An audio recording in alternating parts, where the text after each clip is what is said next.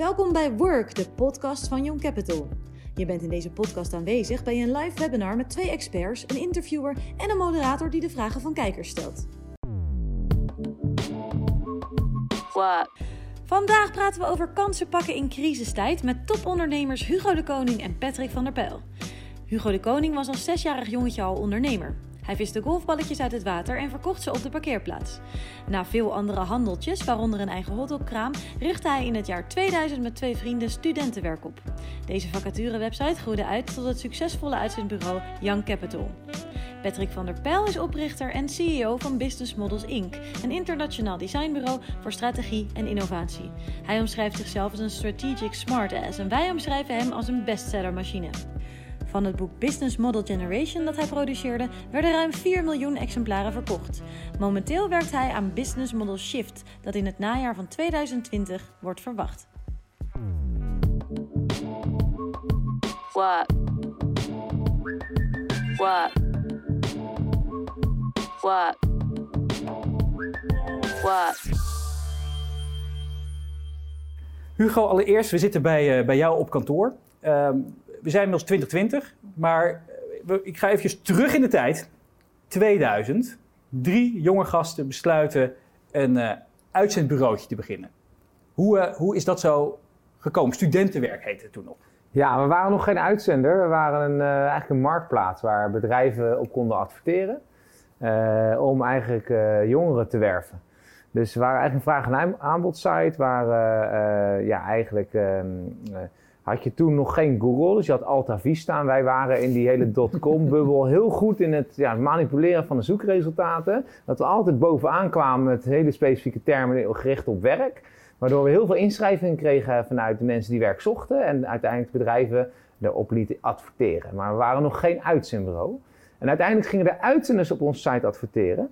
Want toen dachten we, hé, hey, dat, uh, Daar is het handel. Ja, dat distributiemodel van die uitzenders, hè, 2000, dus 20 jaar geleden, waren eigenlijk retailers. Mm -hmm. uh, het allemaal winkeltjes. Winkels, overal winkels, naast de reisbureaus. Ja. Nou ja, nu uh, krijgen de uitzenders klappen. De, al veel eerder natuurlijk de reisbureaus. Die zie je al, denk ik, 15 jaar al niet meer in de winkelstraten. Maar de uitzenders nog steeds. En uh, wij dachten, hé, hey, die manier van werving van de uitzenders, in een duur pand zitten, naar de deur kijken tot er mensen binnenkomen, ik zoek werk. Nou, dat kan sneller, beter, efficiënter. En toen zijn we eigenlijk in 2001 gaan uitzenden. Patrick? Dat is een beetje geschiedenis. Uh, uh, mooie origin story, dankjewel Hugo. Um, ik denk dat de meeste mensen jou kennen van het befaamde Business Model Canvas. Het, ik denk dat iedereen, tenminste de meesten die kijken, hem wel een keer misschien hebben ingevuld voor ja. zijn of haar eigen bedrijf. Ja. Hoe is dat zo tot stand gekomen? Ja, eigenlijk wat je uh, zag is dat um, er steeds meer behoefte was uh, om te begrijpen op één pagina: oké, okay, hoe verdien ik geld? En um, ik kan me nog heel goed herinneren, ik ben groot geworden in de traditionele consultingbureaus. En dan gingen wij bijvoorbeeld naar Endemol met een team.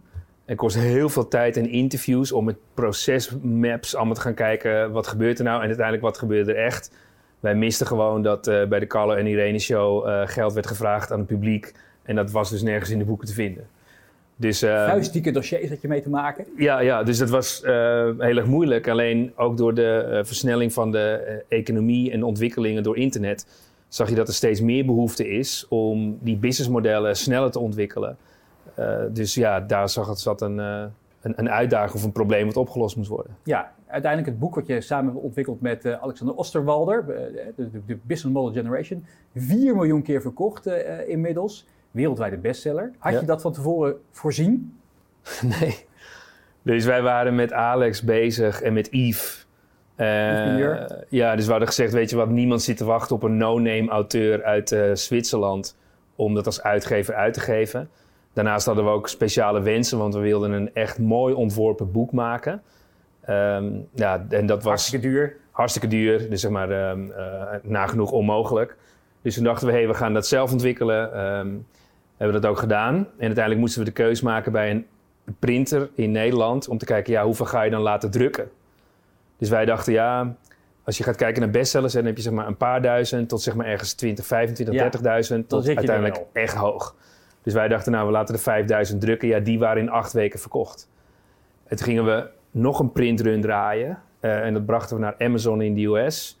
Uh, en dat was 10.000 boeken. En dat ging in eh 12 weken was dat weg. Amazon drukte je boeken. Nee, we, we, eh, je kon zeg maar bij Amazon een stukje van hun website huren. Ja. En dan moet jij zorgen in de dat... etalage eigenlijk. Ja, en dan Ja. moet jij zorgen dat het in de distributiecentra Ja, ligt. ja. En dan willen zij het voor je verschepen. Dus jij loopt alle risico. En dat ging als een speer. Ja, ja. Ik denk dat we hebben ons wel eens de vraag gesteld waarom dat succesvol eh, is geworden. Ja. En toen dachten we, oké, natuurlijk heb je timing, want ehm, dat BIS-modelwoord was eh, eh, een hype. Ehm, maar je zag ook dat we best wel een, een base hadden van Alex die fans had die geïnteresseerd waren in die BIS-modellen. Maar een ander ding was met Alex, we zeiden altijd, we want to stand out for mediocrity. Weet je, we wilden echt iets moois maken, echt iets goeds. En eh, zoals Alan, de ontwerper, zeg maar dat BIS-modelboek heeft gemaakt, waardoor je veel makkelijker die content kunt consumeren. Ik- Ja. Dat was echt een, eh, Heel visueel, hè? ja, echt een gamechanger. Hoe, eh, eventjes misschien goed om vooraf, hè, voordat we echt van start gaan, de, probleemstelling eventjes duidelijk te krijgen. We gaan het hebben over businessmodellen, innovatie, kansen pakken. Ehm, de huidige stand van zaken is nu eenmaal voor veel mensen dat het businessmodel wat ze hebben niet aansluit op de, op de behoefte die de klant nu heeft. Herken je dat, Hugo?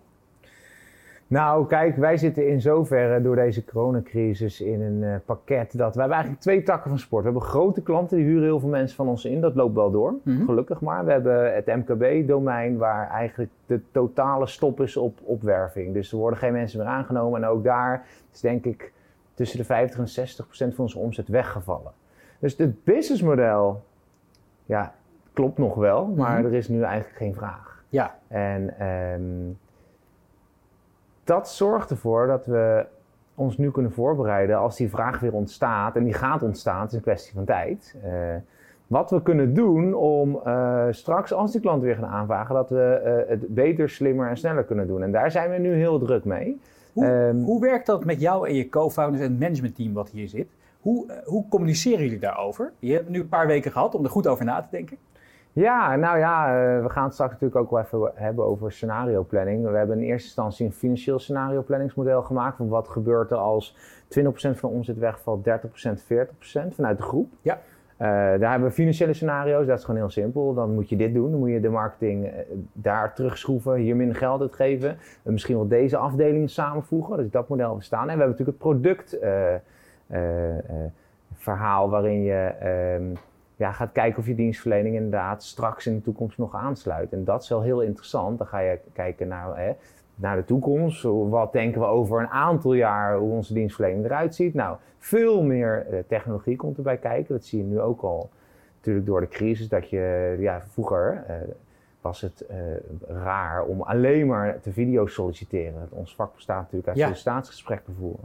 Nou, nu Het was dat van dag één de standaard. Ja. Het, het gaat goed, maar we zien ook wel dat voor sommige eh, profielen het toch wel lekker is om met je sollicitant te gaan wandelen. Dus dat werkt nu heel goed. Ga je lekker naar buiten. Ja. Om toch even die gezond. non-verbale, ja, het is gezond. Uh, wandelen is goed. En eh, je ziet dat de doelgroep die wij bedienen, de jongeren, die ehm, zitten ook al een hele tijd thuis. Ja. Dus die zijn een beetje geïsoleerd. En het hebben wel een hele jonge om, eh, workforce natuurlijk ja, bij, eh, ja, bij Young Capital. Of, eh, iets van meer dan duizend medewerkers eh, zitten hier. Vaste mensen, Ja, vaste gemiddelde mensen. leeftijd van 28. Ja, dus die, die- Heel veel werken nog thuis. En, maar om terug te komen op jouw vraag, als je kijkt naar productscenario planning, zijn we nu echt met het managementteam al, al vanaf eigenlijk de eerste week van de crisis aan het kijken van joh, hoe ziet onze toekomst eruit? In welk model, welk product, wat kunnen we nu gaan aanpassen? En waar we vroeger heel veel mensen niet meekregen in het bedrijf, krijg je nu wel iedereen mee, want er is simpelweg veel minder te doen. Dus nou, niet dat mensen zich vervelen, maar dan is het interessant om daar eh, met z'n allen even heel goed eh, naar te kijken. En zo'n model, wat jij in je boek hebt beschreven, eh, te gaan uitwerken. het, we gaan zo meteen hebben over wat jullie allemaal voor mooie plannen Ja. hebben bedacht. We hebben daar een, een, een- misschien ook wel een scoop te melden. En, eh, leuk om er zo meteen over te hebben. Maar allereerst Patrick, je hoorde net al, Hugo zei, eh, allereerst zijn we vol op de cash gegaan zitten. Eh, kijken hoe zitten we cashflowmatig, daar zijn we voorspellingen over maken. Is dat the way to go volgens eh, de theorie? Nou ja, ik, ik denk eh, er zijn een aantal dingen eh, die je ziet die die je kunt doen. Dus het belangrijkste wat je moet begrijpen is dat je huidige businessmodel gebroken is. Dus die heeft een aantal beperkingen. En ehm, dan moet je kijken van hé, hey, wel- welke eh, beperkingen eh, heb ik dan mee te maken? En hoe kun ik dat omzeilen? En ik denk een andere belangrijke, wat Hugo zegt, waar bedrijven best wel snel aan voorbij gaan, is die vraag dan ook bij de eindklant nog daar. Dus als je die vraag niet hebt, kun je heel lang creatief zijn, Ja. maar dat heeft geen enkele nut. Dus het is belangrijk om eh, bij die klant te kijken van hé, hey, er zijn andere behoeften. En waar komt dat door? Door die beperkingen, zeg maar nu de fysieke beperking die wij hebben, dan zie je dus dat er een, een versnelling is van eh, digitaal. Eh, en, en wat betekent dat dan? Nou, dat is heel duidelijk, want we hebben new ways of working. Dat Mhm. weten we nu allemaal. Ja. En eh, toen in 1995 deed, liep ik voor het eerst stage bij een verzekeringsbedrijf. Toen hadden ze het over telewerken. Nou, nooit echt van de grond gekomen. Nu weten we eigenlijk niet beter. New ways of working, new ways of living. We- zijn thuis, eh, we gaan heel andere dingen doen. Dus je gaat ook andere dingen aanschaffen. eh, andere tijdsbesteding, niet meer op vakantie. En daarnaast new wave consumption. Dus je ziet dat dat is er allemaal aan het gebeuren. Dat betekent dus dat die behoefte van klanten nog steeds hetzelfde is. Want je wilt nog steeds geëntertained worden. Je hebt nog steeds eh, trek om een lekkere maaltijd te eten. Alleen de manier waarop je gaat bedienen en de ervaring gaat neerzetten, die is compleet anders. Ja, je zegt de, de, de behoefte van de klant is eigenlijk niet veranderd, Nee. ondanks zo'n coronacrisis. Ja. Eh, geldt het ook voor zakelijke, eh, zakelijke klanten? Eh, nee, ik denk dat voor zakelijke klanten is dat anders. Alleen dat betekent voor elk van die klanten, waar hebben zij dan mee te maken? Dus neem bijvoorbeeld een bedrijf als Unilever. Oké, wat betekent dan deze situatie voor hen in de internationale markt? Dat is weer anders dan een bedrijf als eh, een grote bierbrouwer, Heineken bijvoorbeeld. En je ziet dat zij ook met die beperkingen te maken hebben. En wat ik zie bij de verschillende bedrijven met wie wij werken, dat ook het leadership daar anders op reageert. Dus eh, we hebben twee global clients waar we voor werken en die zitten in hetzelfde schuitje. Alleen de een zegt, we gaan gewoon door. Want zoals jij zegt, die vraag gaat op een gegeven moment komen. En bij het andere bedrijf gaan ze volledig in de rem en dan zeggen ze, hé, hey, we moeten voor onze eh, hold our horses. Dus ehm, ik denk dat die eh, behoefte wordt ook gecreëerd doordat het bestuur daar anders mee omgaat. Ik ben benieuwd of er inmiddels al een aantal vragen zijn binnengekomen van, eh, van jou, de kijker. Evelien, Er zijn nog geen vragen binnengekomen van kijkers. Dus eh, bij deze de oproep. Hebben jullie iets te vragen? Vraag het dan gerust. Eh, we behandelen elke vraag live in deze uitzending. super. Ik heb wel een vraag, als dat zou mogen. Nou, eh, stel het gerust. Ja, want wat je net vertelde, je hebt twee klanten die in hetzelfde schuitje zitten en ze reageren heel anders op de situatie. Ehm, heb jij dan het idee dat een van de twee reacties beter is dan de ander? Nou, ik denk dat... Ik hoop niet dat ze luisteren. Nee. nee, ik denk dat het ook. ehm, kijk, in zo'n situatie waar je nu mee te maken hebt in, in onzekerheid. Dan zie je twee gedragingen. Eén is mensen gaan in een hoekje zitten en die eh, zijn bevroren. Ja. Eh, hadden wij ook in ons team en dan spreken we elkaar op aan. En, eh, en de anderen die gaan juist versnellen, want die denken, zoals wat Hugo zegt, nu zie je kansen, dus je moet klaar zijn voor die toekomst. Ja, je ziet dat daar eh, binnen die twee bedrijven, culturen, eh, wordt daar anders op gereageerd. Herken Dus- jij dit, eh, Hugo? Ja, ja, zeker. Ik heb ook veel vrienden die hebben ook eh, bedrijven en die wachten, heel veel wachten eraf. Dan zeg ik, vind je dat verstandig? Want ja, er komt wel een vaccin. En na de zomer eh, is het allemaal weer beter. En ik zeg, ja, je moet nooit afwachten wat je ook doet. En wij bijvoorbeeld zijn best wel snel in de actie geschoten. Ook al weten we een paar concrete voorbeelden dat, we, dat er eigenlijk geen klantvraag is. Dat iedereen een Mhm. stop heeft op werving, dus Ja. niemand personeel. Eh, zijn wij volop bijvoorbeeld al onze klanten aan het bellen. Hoe gaat het? Hoe vind je eigenlijk dat thuiswerken? Heb jij tips voor mijn andere klanten die ik met hun kan delen? Heel veel van onze salesmensen die, hebben, eh, die maken van al hun klanten en nieuwe klanten een foto voor hun pand. Ja. Letterlijk een foto, een tekstje bij joh, ik was bij je in de buurt, ik denk aan je, hoe gaat het? En ja, je kan afwachten en dan wachten tot eh, na de zomer, tot er weer de lockdown iets wordt versoepeld. Mhm. Eh, wat heel veel mensen doen. Maar je kan ook in de actie, je kan van- wat van je laten horen, je kan interesse tonen. En wij zitten een beetje op die tour. Eh, Hoe, hoe is dat voor heel- jou veranderd? Want ik weet ook dat je vroeger altijd veel bezig was met klanten. Je was veel op pad. Hoe, hoe is jouw rol daarin veranderd? Nou ja, ik heb er ook een rol. En ik heb, eh, gisteren kreeg ik nog een lijst van alle afspraken die ik heb gehad van de afgelopen twee jaar. Dus die heeft mijn eh, assistant echt helemaal uit de agenda getrokken. Er was geen query voor, was best wel een werkje voor haar. En ik ben die nu langs aan het, eh, gaan, ook om eens te toetsen hoe gaat het bij jou, hoe is het met jouw business. Er zitten heel veel bestaande klanten bij, heel veel nieuwe klanten. Dus ik doe, ja, ik geef daarin natuurlijk ook het goede voorbeeld. Ik ga ook niet achteroverleunen en in de tuin zitten en eh, genieten van eh, de vrijheid en eigenlijk geen afspraken s'avonds. En ja, ik ga wel zelf vol de actie en eigenlijk mijn compagnons ook. Hoe, hoe krijg je mensen mee die dat misschien wat moeilijker vinden, Patrick? Er zijn, je hebt inderdaad mensen die, die, die, die, die vinden het misschien ook al eh, spannend deze tijd, prachtig, nieuwe kansen, snel schakelen. Eh, andere mensen vinden het wel spannend, gaan misschien ook een beetje in de, zijn misschien wat angstiger voor wat de toekomst te brengen heeft. Hoe krijg je die toch mee in je bedrijf? Ja, ik denk dat ehm, dat was voor corona ook al zo. Als je een innovatieoefening gaat doen, dan eh, zie je dat de helft van de mensen ongeveer niet met onzekerheid om kunnen gaan. Eh, dus die zoeken zekerheden in eh, het organiseren van meetings of eh, plannen schrijven. Of, en die voelen zich daar heel comfortabel bij. De mensen die wel willen veranderen, die zijn vooral het verschil aan het maken. Alleen wat er dan de fout wordt gemaakt, is dat als je die mensen in die zekerheid niet mee kunt krijgen, dan moet je ze lekker laten zitten.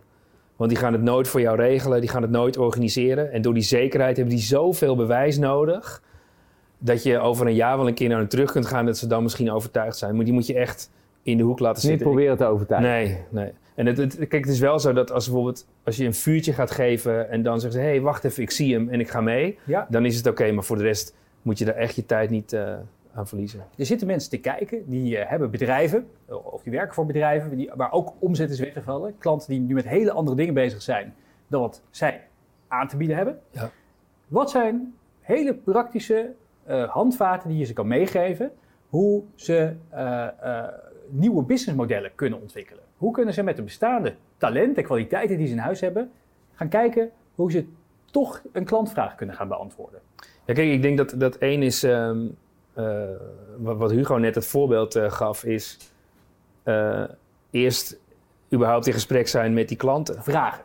Ja, dus eh, eh, ga het gebouw uit, maak die foto, stel die vraag en zeg ook van hoe zit jij erin en hoe gaat het bij je thuis en eh, waar zitten jouw onzekerheden? Dus zonder gelijk wat te willen verkopen, eerst Ja. gaan vragen van waar zit je eigenlijk mee? Dat Ja. doen al best weinig mensen. Ja, Het dat klinkt als ik open net deur, dat vinden ja. mensen lastig. Want dan zeggen ze ja, maar dan ga ik Remy bellen, maar dan heb ik niks te verkopen.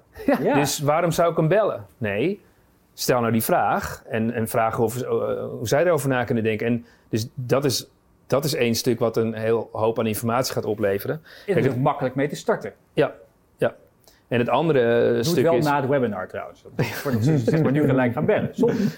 Een andere stuk is dat ehm, eh, als je het hebt over trends en ontwikkelingen, die manifesteren zich door nieuwe experiences, nieuwe concepten. Dus waar wij heel veel naar kijken is de nieuwe businessmodellen die voorbij komen. En als je die probeert te begrijpen, eh daar kan je patronen ontdekken eh, en daardoor weet je hoe je een heel ander spel kunt gaan spelen. Heb je daar een concreet voorbeeld van? Want het is voor mij nog wat abstract. Ehm, bijvoorbeeld als je kijkt naar ehm, een bedrijf als Disney.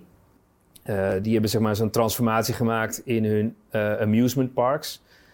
En wat wij zien nu hè, met deze periode is dat die digitale, die digitale shift, zoals we dat zien, dus verschuiven van een fysiek businessmodel naar een digitaal, die is aan het versnellen.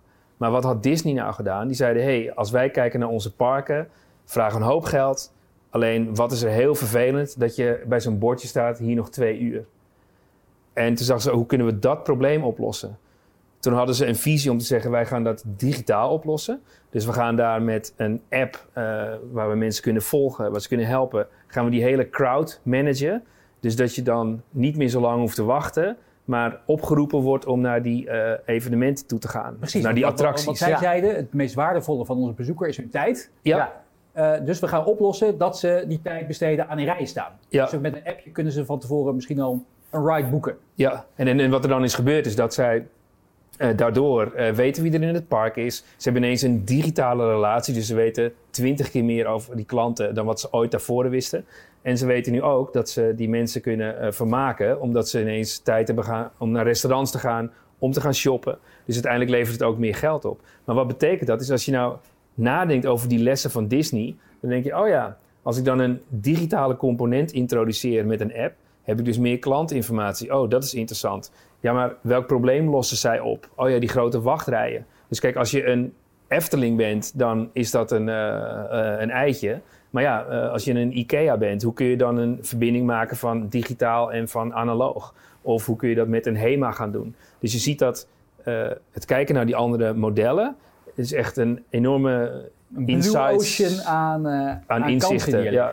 Want zij hebben al in een bepaalde context een probleem opgelost. Je ziet dat ze winstgevend of in ieder geval eh, eh, goed bezig zijn. Oké, maar hoe kun je daar dan een jumpstart maken als je dat soort stappen wilt zetten? Dus Als je een wat kleine bedrijf hebt, eh, reclamebureaus, nu ook veel omzet weggevallen. Hoe zouden die dat dan aan kunnen pakken? Ja, ik denk dat eh, als je bijvoorbeeld kijkt naar zo'n eh, reclamebureau, dan is het ook eh, de vraag is, eh, als je naar zo'n businessmodel kijkt, moet ik even een stapje terug. Hè? Dus bedrijven zijn voorheen gebouwd voor de internet in een lineair, op een lineaire manier.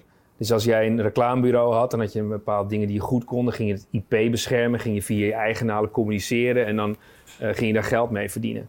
Wat je nu ziet, is als je het kunt digitaliseren, dan, dan kun je als reclamebureau rechtstreeks naar de eindconsument toe en daar informatie ophalen.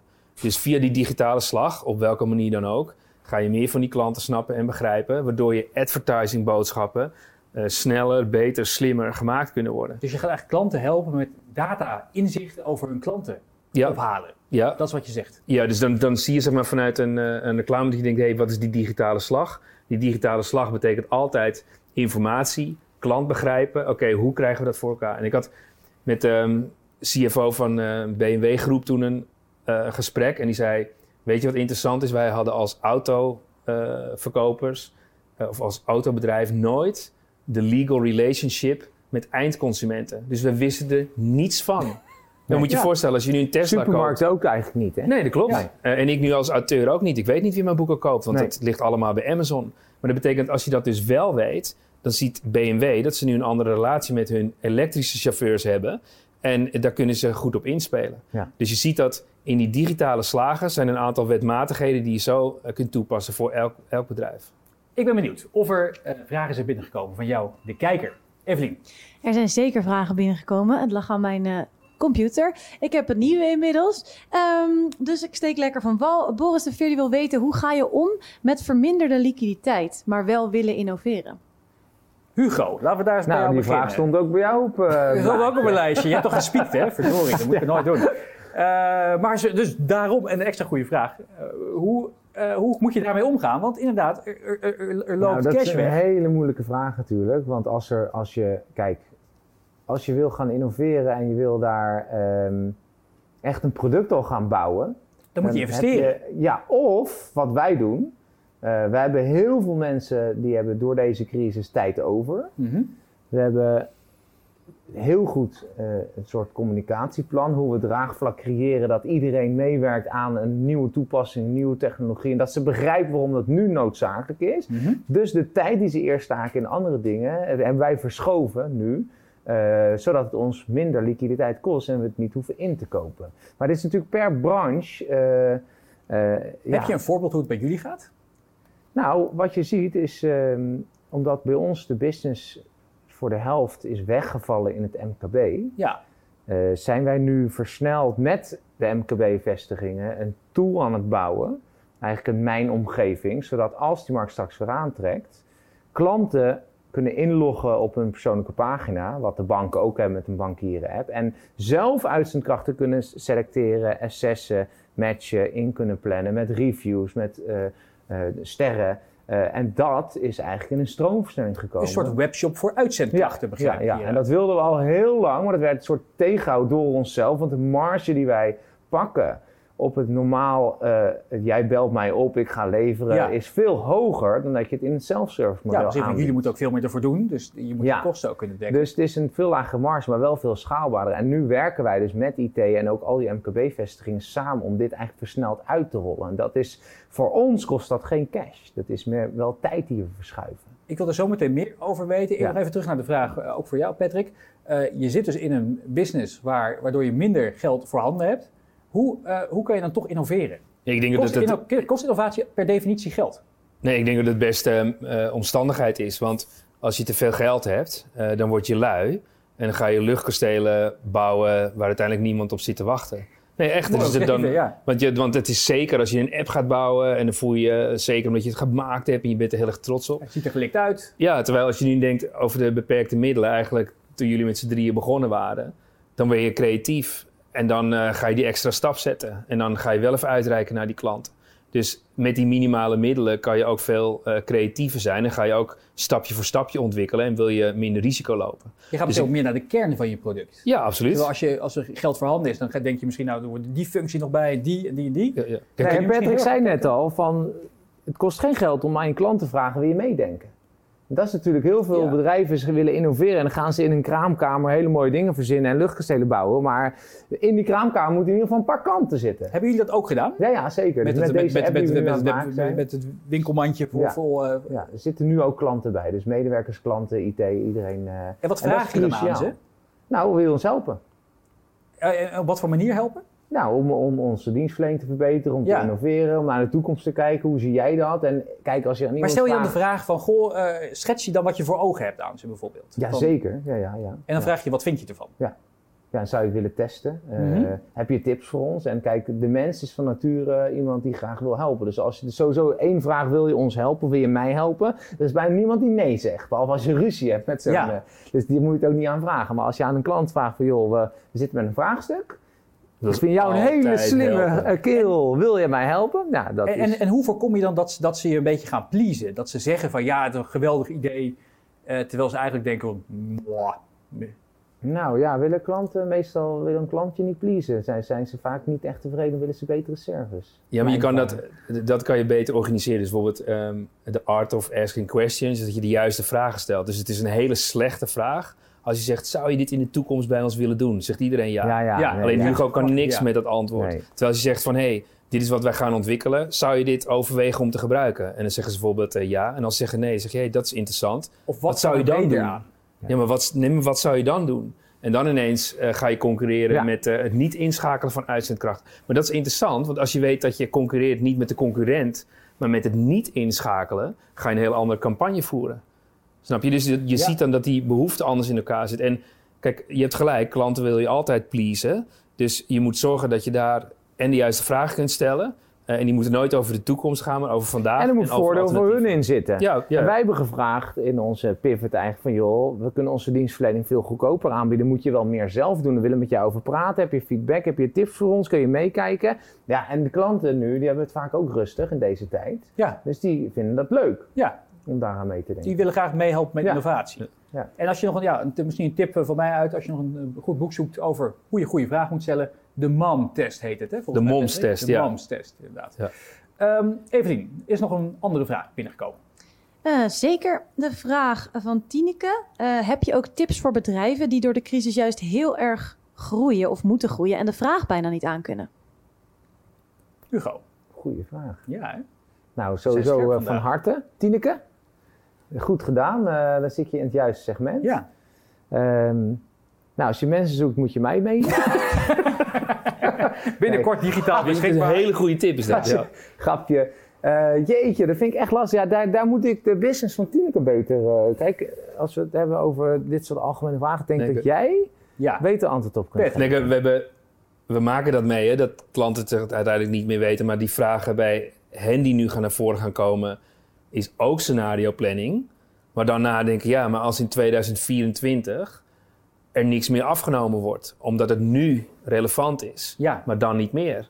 En wat je dan ziet als je met hen in gesprek gaat, dan zeggen ze, ja, maar als we dan over vier jaar vaststellen als één van de scenario's is dat we de dienstverlening niet meer af gaan nemen, dat is even schrikken en eh, dat is balen. Nee, als je dat weet, dan kan je daar nu op anticiperen.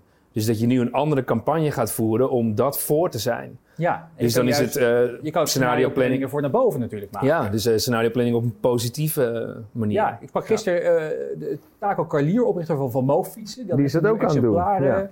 gemaakt. En die, die gaat zo goed. Die hebben extra financiering aangetrokken in, in no time om eh, maar meer fietsen te kunnen maken. Ja. Omdat dus de vraag zo erg groeit naar, eh, Ja. naar elektrische fietsen. Dus het kan in, dus er zijn markten waar het inderdaad heel erg goed eh, bij Maar dat is wel, wel interessant. Dus bij die fiets was ook een jaar of tien geleden dat het begon. Je hebt heel lang moeten wachten totdat het uiteindelijk kwam. Ja. En het begon al te komen, ook voor corona. En nu is het nog ineens Echt een relevanter geworden. Ja. Dus eigenlijk. Tineke moet eh, even in pen en papier pakken en de scenario's gaan uitwerken. Wat als dit gebeurt, wat Ja, komt er dan niet- bij kijken? Ja, maar niet, niet dat je nu je capaciteit zeg maar, aan het inkopen, inkopen bent om die, eh, terwijl het straks de vraag uit gaat Ja. vallen. Ja. Dat is het grootste risico. Tussendoor, Tineke eh, zit bij het UWV. Ah, Oh! nou, dan eh, ga snel digitaliseren om al die vragen snel binnen te kunnen beantwoorden, denk ik. ja, jeetje, ja, dat is natuurlijk wel, al die nauw-aanvragen komen daar terecht. Eh, dat, eh, ik denk dat ze inderdaad heel veel mensen moeten gaan aannemen. En dan is juist belangrijk dat die mensen snel ingewerkt worden. Dus niet klassiek, Ja. joh, drie, vier weken training. Gewoon dikke e-learning. Veel sneller eh, en met software natuurlijk. eh de onboorden van nieuwe medewerkers lijkt mij. Maar Ja, ja je hebt handjes, je hebt, je hebt handjes eh, nodig die al die aanvragen en, en software. Ja. Ja. Dat, daarmee kan je versnellen. Ja. Is misschien nog een andere vraag binnengekomen? Eh, ja, zouden jullie het nog een keer over toch liquiditeit willen hebben? Eh, want er is ook nog de vraag: eh, als start-up kun je heel snel sturen, eh, maar de liquide middelen zijn klein en investeerders zijn voorzichtig en banken verlenen bijna niks. Hoe zou je liquiditeit aantrekken? Hoe kan je liquiditeit aantrekken, Patrick? Ja, kijk, dat is, deze is nu al echt heel lastig. Dus ehm, wat je nu al ziet, zeg maar, in de M&A-wereld, dus met de, met de mergers en acquisitions, is als je nu eh, niet zeker weet als jouw winkel in de winkelstraat, waar normaal heel veel mensen langskwamen, Wanneer er weer mensen komen. dan kan je dus ook niet de getallen overleggen. Zijn die scenario's echt eh, eh, luchtkastelen en heel onzeker? En dat is ook wel een probleem wat er nu aan het aankomen is. Dus ehm, eh, wat gaan die winkels straks eh, doen? En eh, eh, kunnen we daar de aantallen tegen aanzetten? Dus die, het aantrekken van het krediet is eh buitengewoon lastig. Dus Ik ik, hoor- denk dat... Ja, Ja, nee, ik hoorde bijvoorbeeld wel van een bedrijf die, eh, die is bij medewerkers aandelen gaan verkopen. Die zei van, nou ja, je kan nu gunstig instappen om aandeelhouder te worden van het bedrijf. En dan kan je, eh, hebben wij een beetje cash voorhanden en heb jij een beetje eh, aandelen in, eh, in, eh, in de tent waar je voor werkt. Is dat ja die vind ik, dat zou ik zelf nooit doen. Maar eh, nee, ik vind het lastig, want uiteindelijk van... Dat is een, eh, een eh, wassen neus, weet je wel. Dus dan zeg je van, hé, hey, ik ga bij mijn eigen collega's geld ophalen. Ja? Terwijl eigenlijk wat je zou willen is bij klanten geld ophalen. Dus dat je zegt van, hé, hey, hoe zitten jullie erin? Kunnen jullie lange termijn contracten afspreken? Of kunnen we iets anders organiseren? Eh, maar ik vind het gevaarlijk om eh, eigen collega's daarvoor te gebruiken. Want het geeft je geen enkele garantie. Crowdfunding misschien? Ja, dat zou een, een manier dat kunnen zie je zijn. nog wel gebeuren. Mhm. Ik heb ook een eh, paar voorbeelden van eh, tech-startups inderdaad die eh, in plaats van het meeste hebben ze geld nodig om software te bouwen. Dat ze eigenlijk een hele, hele goede softwarebouwer aantrekken en die inderdaad equity geven. Ja. Dat die ook voor niks, normaal betaal je daar een paar ton voor per jaar. hartstikke duur. Dat hij het voor niks doet, of voor zijn aandelen. En ook dat ze een soort barteren met media. want ook alle, ja, je hebt vaak een product nodig om te promoten. En het Ja. is heel duur. En dan kan je natuurlijk met RTL kan je deals sluiten. Ja. Dat je ook een deel van de opbrengst eh, afstaat. Of ook een deel equity. Die hebben ook allemaal venture takken. Mhm. Die zijn nog wel in beweging. Maar eh, ja, echt, als je echt enorm geld nodig hebt om een heel machinepark of zo. eh, ja, dat is inderdaad lastig om dat bij traditionele financiers te krijgen. Merk, merk jij dat misschien ook in je persoonlijke omgeving, Hugo? Je investeert ook in, in bedrijven. Eh, dat er meer partijen naar je toe komen van... eh, hallo. Nee, Nee. nee, nee, nee, nee, dat niet. Nee. Het is nog niet zo gekomen dat er, dat er partijen zijn die denken van... nou, dit is nu misschien het moment om eens een keertje wat geld op te halen. Nee, nee, ik niet. Nee, merk niet. Nee. Ik denk dat dit een mooi moment is om eh, naar de case te gaan die we hebben bedacht voor, voor jou de kijker. We, Patrick werkt altijd met, eh, met businessmodellen en businessmodel innovatie. Ehm, in het vorige webinar wat we hadden gedaan, kwamen hele leuke reacties op. Hebben we de, hebben we de kijker gevraagd of ze eh, met de huidige restricties voorhanden kunnen bedenken hoe kapperszaken hyper succesvol zouden kunnen opereren. Maar ja, de kapperszaken mogen weer open, dus dat voorbeeld eh, gaat even niet. Dus we hebben deze keer bedacht, ehm, bedenk nou eens als kijker thuis een nieuw, vernieuwend businessmodel voor de reisindustrie. Dus je bent een tour operator, je moet eh, normaal gesproken boek je reizen naar het buitenland voor klanten. Dat kan even heel erg lastig. Hoe zou je met de huidige wet en re- regelgeving, met een ja, innovatieve mindset, met een innovatieve bril, echt een kick-ass nieuw businessmodel kunnen bedenken? Wat gaan we doen? Eh, aan het eind van de uitzending, dus over pak een beetje een half uurtje, stellen we de vraag eh, aan Evelien om er een aantal uit te kiezen, een aantal van jullie ideeën. Hugo, Patrick, jullie zijn straks de jury. En het eh, beste, meest innovatieve, meest tegendraadse idee om dus een hyper succesvol reisbureau op te zetten in de huidige tijd, eh, krijgt eh, een van de Sprout groeigidsen hard gaan met de beste mensen, met het voorwoord van yours truly. Ja, het is mijn voorwoord, maar Evelien heeft er geschreven. Ja, hij is wel heel goed. hij is wel heel goed. Hij is goed geschreven. Alle, alle credits inderdaad naar Evelien. Ehm, dat gaat dat zo meteen. Leuk. Ik ben eh, nog even benieuwd naar eh, dat, dat, dat, dat winkelmandje eh, idee. Want dat gaat natuurlijk wel, je zei het net al eventjes, dat levert je minder marge op. Ben je dan niet bang als je dat bedenkt, dat het je eigen business cannibaliseert? Ja, zeker. Ehm, kijk, wij zeggen natuurlijk altijd dat we de meest innovatieve recruitmentpartij zijn van Nederland. Misschien zijn we dat ook wel, we zijn verre van totaal 100% innovatief en digitaal. We hebben ook nog 50 vestigingen waar gewoon echt zoals eh, in het stenen tijdperk mensen langskomen, in een hokje gaan zitten, een interview afnemen, misschien een testje, eh, elkaar de hand schudden en wordt de persoon naar de klant doorgestuurd. Mhm. Ehm, en eigenlijk werkte dat tot de coronacrisis fantastisch. Ja, jullie groeiden als school. Ja, absoluut. Ja, we zijn Tegen de eh, half miljard omzet aan. Ja, Uh, over een En- half miljoen, maar half miljard half miljard. Ja. Eh, en nu, door de crisis, eh, zag je dat eigenlijk de afspraken en de intakes die we dan hebben met sollicitanten in hokjes, ja, dat was gewoon verboden. Eh dus worden we genoodzaakt om eh, eigenlijk ook de sollicitatiegesprekken meer digitaal te doen. Eh, maar ook omdat de omzet is weggevallen, ehm, zag je dat, dat als wij even terugkeken van joh, hoe ziet nou onze dienstverlening in het kader van de scenarioplanning er over vijf jaar uit, weten we dat het in stand houden van zoveel vestigingen en zoveel fysiek werk nog dat mensen een uur met de trein naar je toe moeten komen, een uur een intake, dat dat helemaal niet efficiënt is. En door corona ehm, hebben we eigenlijk gezegd van ehm, we gaan nu een, een, een, een app ontwikkelen. Die stond al eigenlijk op onze roadmap, maar de IT zei joh, dat duurt jaren, dat is echt zo We hebben complex. andere prioriteiten. Ja, het duurt zo, is zo complex. Eh, de- we hebben nu met IT gezeten, joh, het is rustig. De MKB-vestiging is de helft van de omzet weggevallen. Die mijnomgeving, Jan Capital Direct gaan we dat noemen, waar klanten dus volledig digitaal uitzendkrachten kunnen boeken, bestellen, reviews kunnen geven, in hun omgeving kunnen zien waar mensen op dat moment zijn en die dan beschikbaar zijn. Dus echt een Uber voor werk. Die gaan we versneld uitrollen en eigenlijk is die app nu af. Dus wat we nu hebben gedaan in, eh, denk ik, twee maanden, waar twee jaar voor stond. Ja. eh, het is wel mooi om te zien dat je dat dan met z'n allen wel voor elkaar krijgt. Ook klanten erbij gevraagd. Dus daar gaan we binnenkort daar live mee. eh, en dat levert inderdaad veel minder op, maar het is wel veel schaalbaarder. En we hebben natuurlijk intern wel discussies van, joh, de marge die we nu hebben in onze reguliere dienstverlening, iemand komt langs, intake, doorsturen, is ongeveer 30%. Eh, de marge die we hebben op nu dat uitzendkrachten worden besteld via de mijnomgeving, via de Young Capital Direct, is denk ik 10%.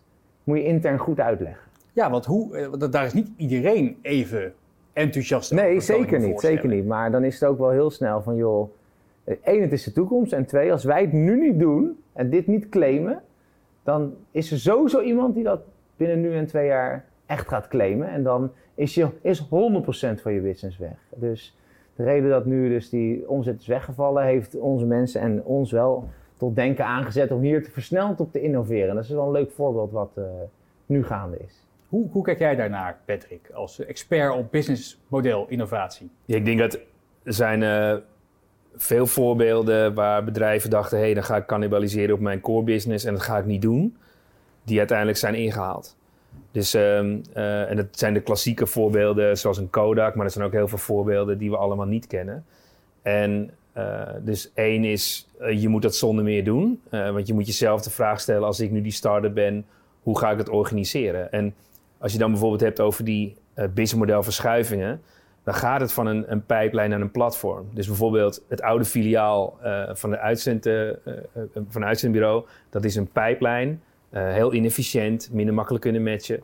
Hey, als je dat platform doet, gaat het over matching, over Data weer. ja, over Ja. een goede core interactie. Kan natuurlijk altijd beter, maar dat is een model. Dus uiteindelijk kun je erop wachten dat, eh, dat dat model zeg maar, eh, populairder gaat worden en dat het gaat vervangen. Alleen, het punt is, je ziet ook nog wel dat eh, bepaalde klanten ook een bepaalde service willen ontvangen. Dus het is niet zo, dat weten we ook, dat het ineens compleet heel snel die business gaat vervagen. Nee. Het is juist de kracht dat je vanuit Human Capital iemand hebt als Hugo die zegt: Oké, dit gaan we gewoon doen vanuit de top. Want ik geloof dat het daar naartoe gaat. Dus wij gaan het stap voor stap ontwikkelen. Alleen het zou kunnen zijn hè, dat, dat je sommige mensen er helemaal geen zin in hebben, want dan zit je weer in die zekerheid. Dan moet je vooral dat model apart zetten en het laten lopen, laten werken en zijn eigen cliënten laten aantrekken. Eh, en op een gegeven moment zul je zien dat het, zich gaat, eh, dat het gaat verschuiven. Dus je kunt het ook vergelijken met een voorbeeld als eh V&D versus Coolblue. V&D had heel veel vestigingen, kon het eigenlijk niet terug in deze tijd. Want die Mhm. hadden een lineair model, die poeste alles op het schap en dat moest je dan maar kopen en, Je en leuk maar naar je vinden. winkel komen. Ja, en Ja. terwijl eh, Pieter Zwart zei van hé, ik vertrek vanuit digitaal. Alleen hij zegt hé, hey, er is nog steeds een percentage die wil het product vasthouden, eh beetpakken en, en zeg maar ook fysiek kunnen afhalen. Dus dan is eigenlijk de balans is anders. Dus ik denk dat naar verwachting dat bij Young Capital dat die balans er gaat zijn. Alleen als Hugo niet met die app gaat komen, hij gaat dat niet organiseren, eh, dan heb je een groot probleem. Wat zijn mogelijke valkuilen waar je nog op moet letten? Doe nog even gratis eh Ja, ja, strategiecursus hier voor je. Dat is schaatsadvies. Nou, ik denk dat dat zeg maar eh, valkuilen is dat je te veel laat leiden door mensen die inderdaad zeggen dat gaat hem niet worden of eh, nee, het is toch een bepaald vak. eh, want dat is echt het denken vanuit old school. Ehm, en ik denk ook dat een valkuil is dat je inderdaad zegt nee, het gaat cannibaliseren. Want je zult zien dat je misschien een andere klantgroep gaat aantrekken. Maar ook mensen die zeggen ja, maar nu vind ik het wel lekker om die mensen wel te zien. Want voor deze beroepen of deze situaties wil ik gewoon een fysieke eh, afspraak hebben. Terwijl anderen zeggen, ik vind het super makkelijk en dit kan digitaal. Ehm, en ik denk een andere valkuil is dat je eh, zo'n app eh, twee jaar eh, laat ontstaan. Ik denk dat je nu eh, geluk bij een ongeluk hebt dat het in twee maanden kan. Ja. Eh, en er is nu ook bewijs dat klanten het ook willen adopteren en die zien daar de, eh, de noodzaak van. Dus ik denk dat nu die versnelling wel kan plaatsvinden. Is er überhaupt een, een grotere trend gaande? Misschien dat, dat, dat, dat, dat zakelijke klanten, en misschien wel consumenten, maar nu even zakelijke klanten ook meer zelf willen doen, meer zelf eh, grip willen hebben op zaken. Waar ze vroeger inderdaad dachten van, nou ja, we, we, we- besteden het uit aan een expert. Dat we nu misschien wel denken van, nou, met al die technologie, ik kan het zelf ook wel, ehm, mijn in dit geval eh, workforce, bij elkaar klikken. Nou, ik denk dat dat wel eh, twee dingen zijn. Ik denk dat één is eh, door die overvloed aan informatie en ook overvloed aan aanbod. Hè, want ehm, ik kan morgen ook een uh, uitzendbureau beginnen. Dan, ehm, eh, terwijl bijvoorbeeld voor sommige branches dat niet zo evident was, hè, dat je makkelijk kon starten. Eh, maar nu heb je geen vestiging nodig. Dus, de- dus wat wil ik daarmee zeggen is dat je... eh, wat ben ik het heel even kwijt. Ehm, de vraag was...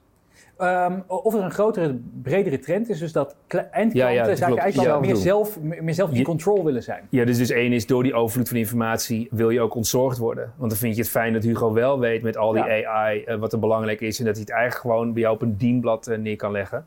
Alleen er zal ook een, een, een klantgroep zijn die zegt van... hé, hey, ik vind het wel lekker, want als jij voor mij in mijn eigen omgeving... een pool hebt van die eh, uitzendkrachten... en dat kan ik zelf managen en ik kan ze uitkiezen... dat vind ik fijn om eh, te doen. Dus ik denk juist dat het gaat om die eh, mix van die verschillende behoeften. ben benieuwd of er wederom vragen zijn binnengekomen van jou, de kijker. Er zijn eh, nog wel wat vragen binnengekomen. Er wordt ook druk eh, gewerkt aan de case. Ook heel interessant Heel om goed. te zien. Leuk. Ehm, ik heb een aantal praktische vragen. Ehm,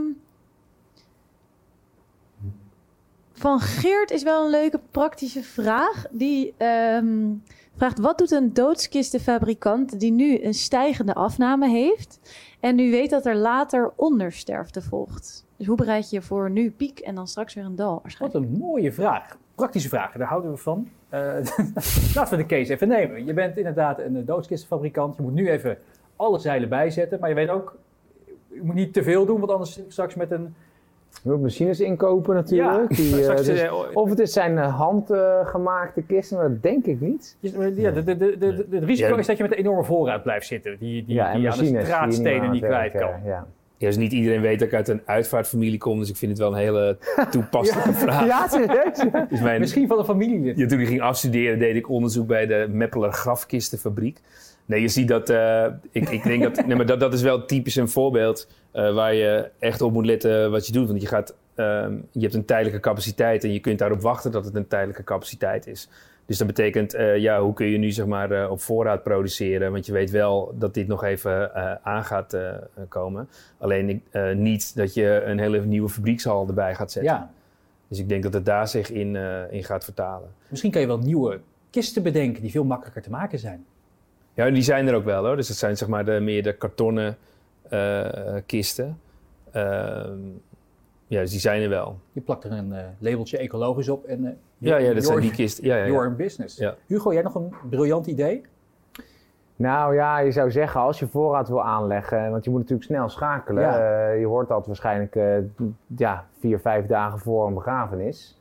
Dan, eh, en dus je moet grote voor en je houdt, blijft met die voorraad zitten. Ja, er zijn natuurlijk altijd delen in, in de wereld waar het sterftecijfer stijgt. Dus dan moet je toch Ja. echt naar, naar de export gaan kijken. En daar inderdaad je in verdiepen. Dat, je, dat, dat lukt ook niet binnen een maand. Maar als je daar je in vastbijt en je hebt in een paar jaar andere afzetkanalen in het buitenland gevonden waar je dus ook naartoe kan distribueren. Ja, dat zou, zo zou ik het dan doen. Maar het is ook niet echt mijn business. eh. Dat is weer lastig, want je hebt daar in Amerika heb je die hele grote, zware kisten. Dat is echt niet normaal. Daar is Mhm. Pim Fortuyn bijvoorbeeld in, eh, in begraven. Eh, en hier hebben we heel echt veel van, hè? Ja, ja, en hier hebben we zes eenvoudige plankjes. Kijk, wat je wel kan doen, misschien niet in deze uitzending, is dat je gewoon de overleden in het graf stopt en de kisten weer eh, weghaalt. Of eh, dat je de mensen laat cremeren en dat je de kist niet meeneemt. Wat uiteindelijk ook qua milieu eh, veel vriendelijker is. Ja, mensen denken, ik heb voor een kist betaald, dus dan moet ik er ook... eh, Ja, je kan natuurlijk inderdaad op die manier ook innove- innoveren. Ja, Hoe zorg je dat ervoor dat je je assets behoudt in plaats van eh, ja, dus Tijdens de, uitvaart wel een kist en tijdens de crematie wordt de kist gerecycled. casket as a service. Ja, Ja. nou ja, kijk, misschien heeft degene daar wat aan. Nog een, ja, ik, vond het, ik vond het briljante ideeën, dus dank Ja, jullie wel ja, eh, zeker, daarvoor. Evelien. Ja, om het weer even op een hele andere boeg te gooien. Eh, gaat de klassieke B2B sales in de maakindustrie met buitendienst, met leaseauto, veel persoonlijk klantcontact, beurzen, evenementen, gaat dat veranderen? Vraagt Maarten Wijnen. En zo ja, hoe kunnen we deze mensen dan anders inzetten? Interessant. Even een toekomstbeeld. Wat, wat denken jullie? Want het is een beetje koffiedik kijken. Ja, wij hebben, wel, wij hebben heel veel B2B sales. We hebben een paar duizend klanten. We hebben ook een heel groot sales team. Wat je ziet is, dit is wel een wake-up call. Dus, dus we zien, en ik, ik zie het zelf ook. Ik was nooit echt van een uur en een hangout dingen bespreken, maar het werkt wel. Zeker als je je pagina deelt, je hebt nog wat slides, er zitten meerdere mensen in, de audio is goed, dus de technologie. Daar hebben we nu met z'n allen voor, voor gezorgd, dat werkt. Eh, dus er gaat iets veranderen. Ik denk niet dat ik ook nog voor één afspraak even naar Maastricht ga rijden om daar met een relatie. Dat we dat nu alle twee begrijpen. Terwijl vroeger wilde die klant wel even dat je langskwam. Eh, maar ik denk ook dat als we over een half jaar of een jaar weer in het oude vertrouwde, eh, het, het gesjeeste, gewoon weer het super druk hebben, de agenda's vol zitten, dat je wel weer heel snel terugvalt op je oude gedrag. En daar betekent dus weer iedereen een leaseautootje. eh dus daar, daar ben ik ook wel een beetje bang voor. Ik, eh, dus ik, Ik hoop dat het gaat vrees het ook wel. Ik zie die, ik zie die wegen alweer vol lopen Ja, met die ik, ik files. vrees het ook. Ik denk dat de crisis, die is wel groot, maar ja, als, als het... Ja, ik weet het niet. Wat denk jij, Patrick? Ja, Kijk, één één is dat het gaat veranderen, ja. Eh, daar duurt deze crisis nu lang genoeg voor. Alleen, wat ik ook interessant vind, jij zegt het op, op lange afstand. Maar bijvoorbeeld als ik in Amsterdam zit en ik denk, hé, moet ik naar een andere eh, klant? Ik, oké, stap ik in de auto? Eh, moet ik daar langs een paaltje? Is er weer een parkeerplek niet gereserveerd? Dat is gedoe voor zo'n meeting die je eigenlijk hebt. Eh, dus, dus ik, ehm, dat, dat gaat sowieso eh, veranderen. Ik denk ook wel dat er ehm, de noodzaak mensen ook inderdaad ook snappen dat je dat anders kunt gaan invullen. En dat soort grote evenementen, ik denk dat dat steeds minder gaat worden. Ehm, ik kan me niet voorstellen, ook al gaat het gedrag wel weer terugkomen. Ik denk mensen gaan zich echt eh, twee keer over nadenken van... hey, moet ik daar wel eh, naartoe? Moet ik daar die tijd voor vrijmaken? En moet ik dat gaan organiseren? We krijgen beter het besef dat tijd waardevol wordt. Ja. Is. Maar toch, zo'n hangout, het werkt. Maar als je echt in de sales hè, een deal wil sluiten... En je wil een gunfactor ja. creëren in de B2B sales, hè? Ja, ja, ja. En je kijkt die mensen aan en je kan spiegelen. En je, alle trucken trek je uit de trucendoos om, die, eh, om dat contract binnen te halen. Dat lukt niet via een call. Dus, Eens, ja. ja. We, we, merkten, we, we moesten een sessie in Stockholm faciliteren, een offsite voor Mhm. een eh, executive team. En toen hadden we dat met die Microsoft Hubs eh, gedaan. Eh, dus we konden wel een goede experience neerzetten. Op een gegeven moment merkten we dat er gevoeligheid zat in dat team. Alleen ik kon nooit die mensen er echt op aanspreken. Terwijl als ik daar op locatie sta, dan weet ik of ik dat bij Hugo bijvoorbeeld kan flikken. En dat ik hem heel hard kan confronteren. Daar, digitaal weet je dat lukt niet. Nee. Nee. Want je hebt toch een aantal zintuigen die ontbreken, waardoor je niet goed kan aanvoelen of Hugo het trekt. Of dat je ineens volledig de plank mislaat. Ja. Daar ben ik echt met je eens. Ja, Ja. ja. Goeie, goed voorbeeld. Ja. Ik ben ook wel benieuwd hoe jij er thuis naar kijkt. Eh, denk je dat het straks allemaal weer teruggaat naar vroeger? Wegen weer vol, iedereen gaat weer volop eh, naar grote evenementen of niet? Eh, zet het even in de chat, daar komen we zo meteen eh, op terug. Kan Evelien even kijken wat een beetje de tendens is. Ik wil het even, eh want we lopen, eh, we hebben nog negen minuten. En ik heb een aantal keer voorbij horen komen scenario planning. Scenario planning, rekening houden met eh, mogelijk verschillende toekomstscenario's. En dat klinkt natuurlijk op papier heel simpel. Maar ik denk dat mensen die daar geen ervaring mee hebben, dat dat misschien toch wat abstract overkomt. Dus ik hoop ze een paar praktische tips te kunnen geven. Eh, Patrick, jij bent de, heer en meester op dit eh, speelveld. Hoe, wat zijn nou de, de- de- een paar kle- kleine praktische stappen waar mensen mee kunnen beginnen om voor zichzelf eh, toekomstscenario's uit te schrijven? Ja, meestal denken mensen er heel eh, academisch over. En het komt omdat het vanuit eh, Shell komt. En het waren megalomane sessies. En er werd heel veel tijd aan besteed. En alleen, in feite wat je moet realiseren... is dat je voor jezelf alternatieve toekomstbeelden gaat creëren. En die hoeven niet waar te zijn.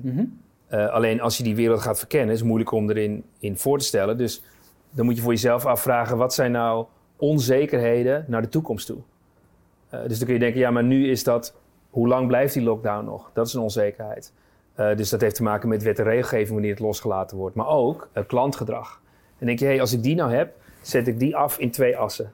Ja, Dus, en als ik die afzet, krijg ik ineens vier werelden. vier vlakken.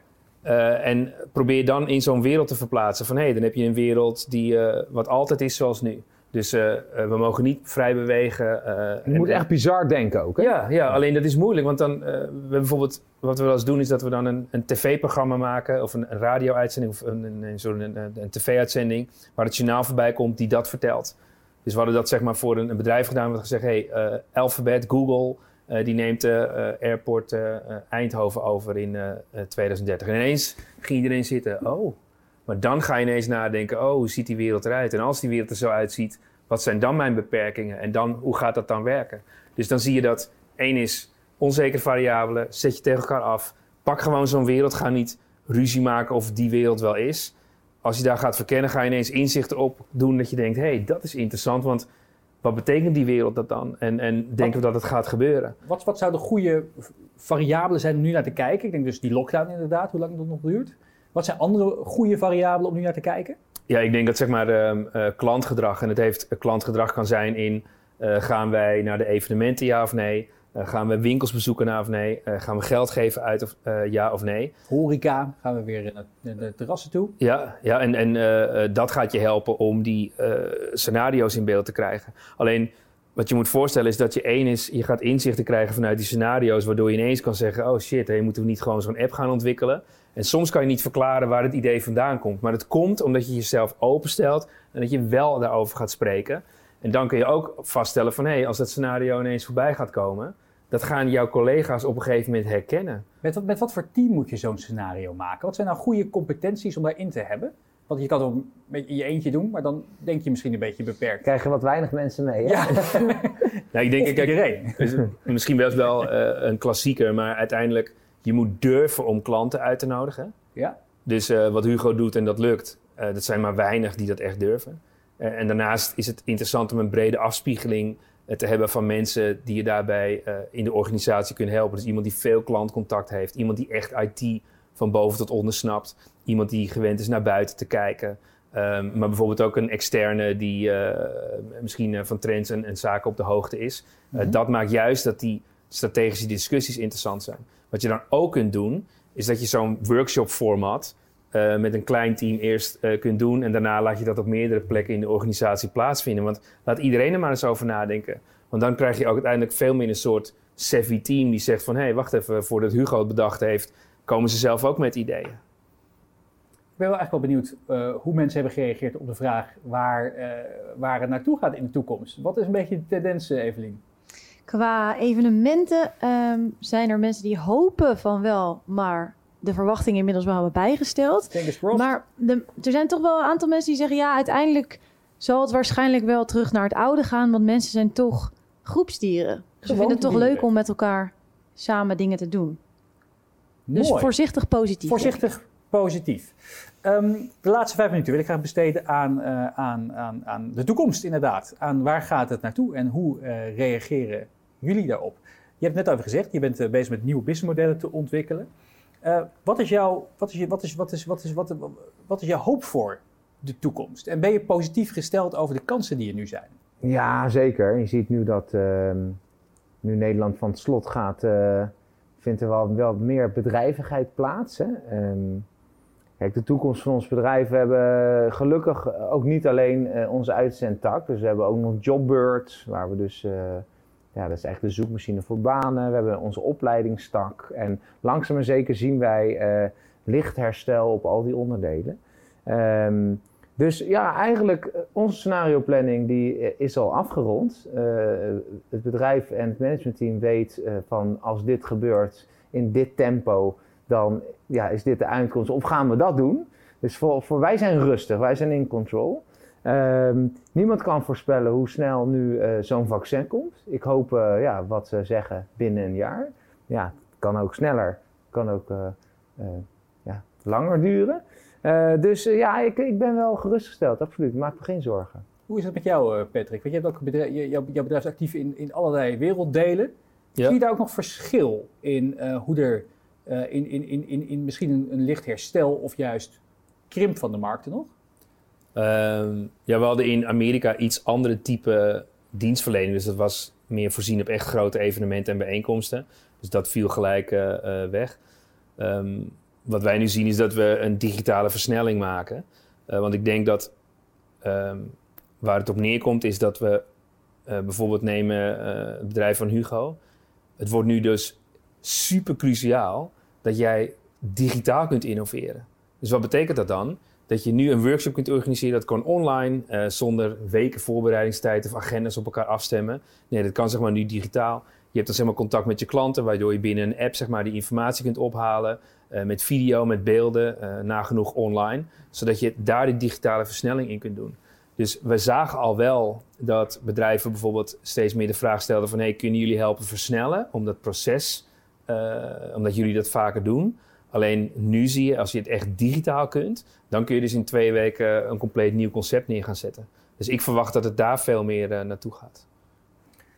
We hebben nog eh, iets minder dan eh, twee minuten. Ik denk dat het tijd wordt voor de juryronde.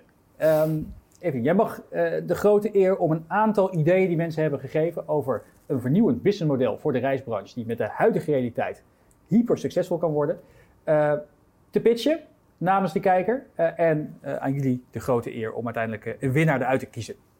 Ga ik doen. Ik heb eh, ongeveer vijf hoofdrichtingen kunnen onderscheiden.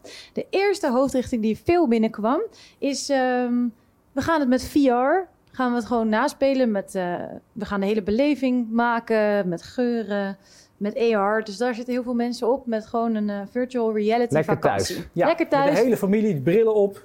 Hoor je weinig over trouwens, hè, VR nu? We hebben net een artikel op Sprout erover geschreven. Oh, Oké. Eh, de tweede richting, vind ik ook een hele originele richting, is een spaarplan eigenlijk. Of één iemand noemt het ook reizen as a service, net als software as a service. Ehm, dus je neemt eigenlijk, ehm, even kijken hoor, je betaalt een vast of klein bedrag per maand. En dan krijg je één keer per jaar of per periode, per kwartaal, iets dergelijks, wordt er iets voor jou bedacht. Dus dat is ook erg leuk. Er zijn ook mensen die zeggen, surprise me-achtig. Ja. eh, ja, ja. ja. alleen dan met sparen. Dus jij, eh, er zijn ook mensen die zeggen: je kunt dat nu dit jaar doen, zodat je volgend jaar gratis kan, bij wijze van spreken. Slim. Hè? Ja, want reizen wordt misschien ook wat duurder, hè? Met, Ja, dat, dat, zeker, Dat, dat, ja. dat is ook wel verwachtingen. Dus dat is richting 2. Richting 3 is eh, de staycation box. of gewoon het hele box-idee. Want eh, dat is van Marieke. En Marieke heeft eh, twee pakketten die ze je kan aanbieden. De staycation box om alles uit je tijd thuis te halen. Maar ook bijvoorbeeld een belevingspakket. Ze doen maar wat, schudt ze zo uit de mouw. In eh, acht dagen rond de wereld met nou, een smulpakket of iets Ik moet dergelijks. zeggen, alleen de naam vind ik al briljant. Met ja, ik eten. vond het ook sterk. Ja. Eten is altijd goed. Dus dat is richting drie. Even kijken hoor. Ik heb nog eh, mensen die ehm, de schoonheid van Nederland wel heel erg inzien. Daar heb ik ook twee richtingen in. Je kunt, eh, zegt iemand, ehm, een platform maken waar mensen hun tuin kunnen opgeven als kampeerplek. Heel leuk. Kun jij je tent opzetten in een mooie tuin van iemand anders. En je leert ondertussen ook wat mensen kennen. Dus ook Ja. heel sociaal. En er is iemand anders die zegt, ja, waarom niet vanaf het water? Als je het nou met kajuitboten doet en we doen wat mooie aanlegplekken, dan eh, kan iedereen heel veilig toch even zijn huis uit. Ook erg leuk. En de laatste is nog eh, het naspelen met acteurs. Dus gewoon in een vakantiehuis, jij zegt, waar wil je naartoe? Mexico, is goed. Op anderhalve meter. Ja, je mind sombrero's. gewoon. Ja. Dus En niks VR, maar Nou, gewoon met echte holidays. acteurs. Nou ja, die Welke- zitten natuurlijk ook om werkverlegen nu. Dus op Die zich zitten wel werkverlegen. Ja. Dus heren, welke, Nou, jij mag eerst, eh, welke Patrick. vinden we Wat ik heel interessant vind, zodat jij dit, zoals jij dit presenteert, is dit is zo'n project. En dan komt dit voorbij en moeten wij een keus maken als management. Ja, En dan degene die jij kiest, waar je verliefd op wordt, gaat het nooit worden. Want ineens komt een klant met zo'n model dat je denkt, nee. Ja. Omdat je klant vraagt, komt iets anders uit. Dus we moeten ons van bewust zijn dat degene die wij leuk vinden, niet waarschijnlijk het maar meest succesvol meest, gaat welke zijn. is, nee, precies, maar welke is het meest out of the box? Wie verdient het boek? Ja, ik vind die acteurs wel echt, eh, die vind ik wel echt eh, out of the box. Hugo? Ze gaat hem helemaal naspelen. Ja. Gewoon thuis. Thuis, Mexico. ik ga mee, ik ga mee. Met eten erbij en eh, elke dag eh, de kleding aan die in dat land, eh, muziek. Ik heb er wel iets over gelezen op, in het FD volgens mij. Dat iemand inderdaad ook zo'n wereldmaaltijden... We hebben een winnaar. Ehm Evelien, misschien kan jij zorgen dat, of degene wie zich herkent, stuur even een mailtje. Doe maar naar mij, remy.mt.nl, Remy met Y, met je adres. En ik zorg dat ik hem volgende week naar je toestuur. We zijn over de tijd heen. Ik wil jou ontzettend bedanken voor het kijken naar een geweldig nieuw webinar van Young Capital in samenwerking met eh, MT en Sprout. Hugo, bedankt voor je tijd. Leuk dat je het hebt gedeeld. En veel succes- met de nieuwe plannen. Patrick, eh, geweldig bedankt voor je inzichten wederom. Over twee weken zijn we bij je terug op donderdag met de CEO van, eh, van New Capital, Ineke Koostra. En dan gaan we het hebben over leiderschap, in, eh, eh, eh, persoonlijk leiderschap in, eh, in crisistijd. Dus ik hoop je dan weer te zien. Fijne dag.